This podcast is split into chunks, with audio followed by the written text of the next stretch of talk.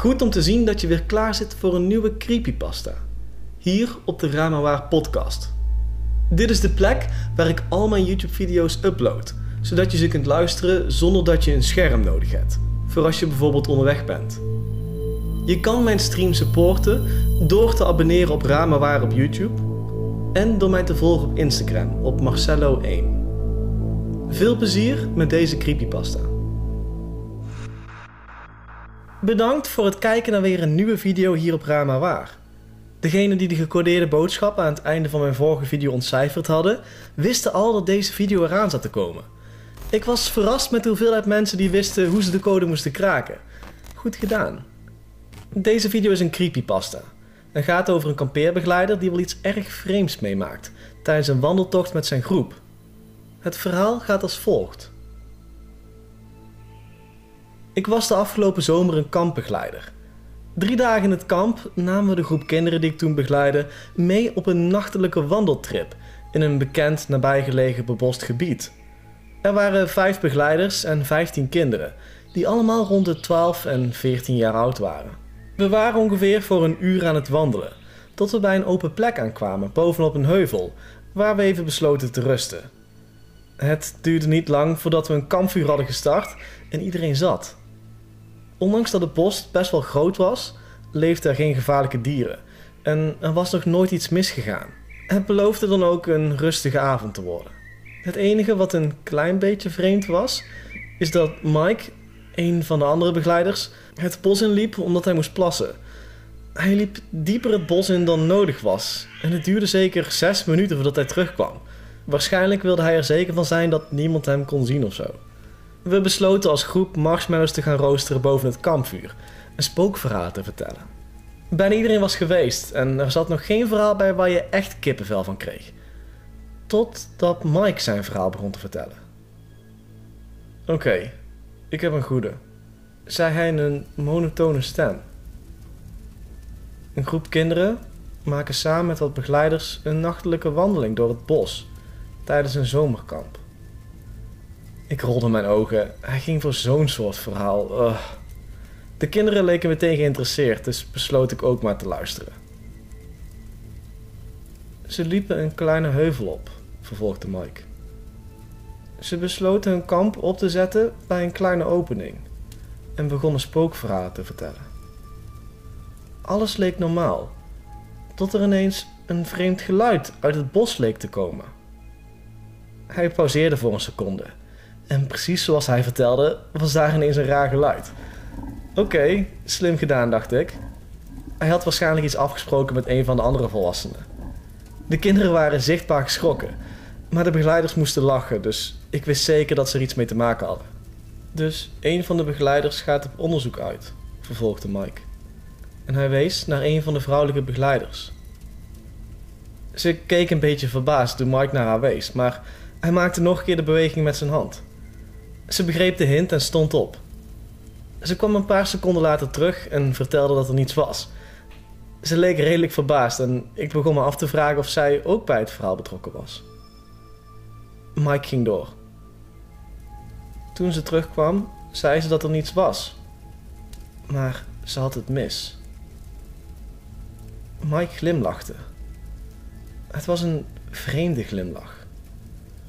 Zo eentje waar je de rillingen van krijgt. Je kon merken dat de kinderen echt bang begonnen te worden nu. Er hing spanning in de lucht. Iedereen kan het voelen, maar niemand kan het echt beschrijven. De lucht om ons heen voelde inderdaad anders. Ademhalen leek een stuk moeilijker te gaan. Ik keek om me heen en zag dat iedereen hetzelfde leek te ervaren. Er klonk weer een geluid uit het bos, zei Mike. En deze keer klonk het als een vreemd soort geheig. Ik maakte van schrik een sprong, want het leek recht achter me vandaan te komen. Iedereen zat stil, te bang om te kijken. Maar toen realiseerden ze zich opeens iets. Een van de kinderen was verdwenen. Dit was de laatste druppel voor de kampleider die opstond en riep: Mike, wat de hel is dit? Mike, geef antwoord. Mike gaf geen antwoord. De kampleider riep: Tel met me mee, hoeveel zijn er? De rest deed wat er van hen gevraagd werd. Veertien riepen we. We misten iemand. Hoe was dit mogelijk? We waren iedere keer als groep bij elkaar gebleven. De kampleider draaide naar Mike. Wat de fuck is er aan de hand, Mike? Mike glimlachte en vervolgde zijn verhaal. Tijdens de chaos hoorde iedereen plotseling voetstappen en zoals hij het zei gebeurde. Jezus Mike, kappen nu, begonnen de begeleiders te roepen. Je gaat te ver Mike.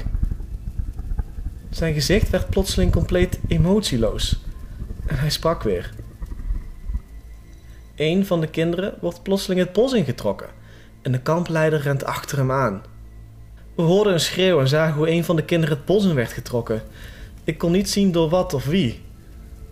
Fuck, riep de kampleider en rende achter het kind aan. Mike stond daar kil te lachen. Het was niet de avond voor de kampleider. Voordat ik iets kon doen, sprintte de vriendin van de kampleider, die ook een van de begeleiders was, achter haar vriend aan het bos in en liet ze mij en de laatste volwassene alleen achter met de overgebleven kinderen. Ik rende naar Mike en gaf hem een volle vuist in zijn gezicht. Om de een of andere reden dacht ik dat hij zo wel ophield met praten. Deze onzin ging nu stoppen. Nu moet ik zeggen dat ik best wel een sterke gast ben en ik, gaf alles wat ik had in die ene klap, maar Mike gaf geen reactie, geen kick, niets. Ik voelde mijn hand kloppen alsof ik tegen een betonnen muur aangeslagen had. Mike had een gemene grin op zijn gezicht. De laatste twee begeleiders. Ik rende weg voordat hij zijn zin af kon maken. Ik riep iedereen bij elkaar en zorgde dat ze in een rechte lijn het pad opliepen en we renden samen weg. Ik achterop en de enige overgebleven begeleider rende voorop en leidde de weg. We hoorden Mike, of wie dat ook was, ons niet volgen, dus stopten we zo'n 10 minuten om even op adem te komen. Op een gegeven moment zagen we een figuur door de bossen lopen, wat aan het kreunen was. Ik stopte direct met lopen en wist eigenlijk niet zo goed wat ik moest doen. Tot mijn verbazing zag ik plotseling Mike, de echte Mike, uit de bosjes stamelen. Hij zat onder de krassen en blauwe plekken. Zijn kleding was verscheurd en op zijn borst leken wel vreemde symbolen gesneden. Hij kreunde en vroeg met een trillende stem wat er gebeurd was. Voordat ik kon reageren, viel hij flauw op de grond. Ik begon naar hem toe te rennen, maar halverwege hoorde ik de andere begeleider opeens schillen. Ik draaide me om en zag nog net een van de kinderen het bos ingetrokken worden. Ren, ren, ren, riep ik. We lieten de echte Mike achter en maakten dat we wegkomen. Ik rende weer achterop en zag tot mijn grote schrik links en rechts kinderen de bossen in verdwijnen. Het kon niet geholpen worden. Het was niet iedereen voor zichzelf. Ik rende de longen uit mijn lijf en hoorde om me heen uit de bossen een soort gekakel komen. Toen we uiteindelijk onderaan de heuvel aankwamen, was alleen ik, een andere begeleider en één kind over. We waren allemaal aan het hijgen en onze gezichten waren rood aangelopen. Toen begon het kind ineens te glimlachen. Twee wisten er te ontsnappen. Maar dit was niet het einde van hun verhaal, zei hij opeens. Op dezelfde toon als Neppe Mike eerder zijn verhaal vertelde. Toen ik dat hoorde, wist ik niet hoe snel ik moest maken dat ik wegkwam. Ik begon te rennen, terwijl elke vezel in mijn lichaam schreeuwde om rust.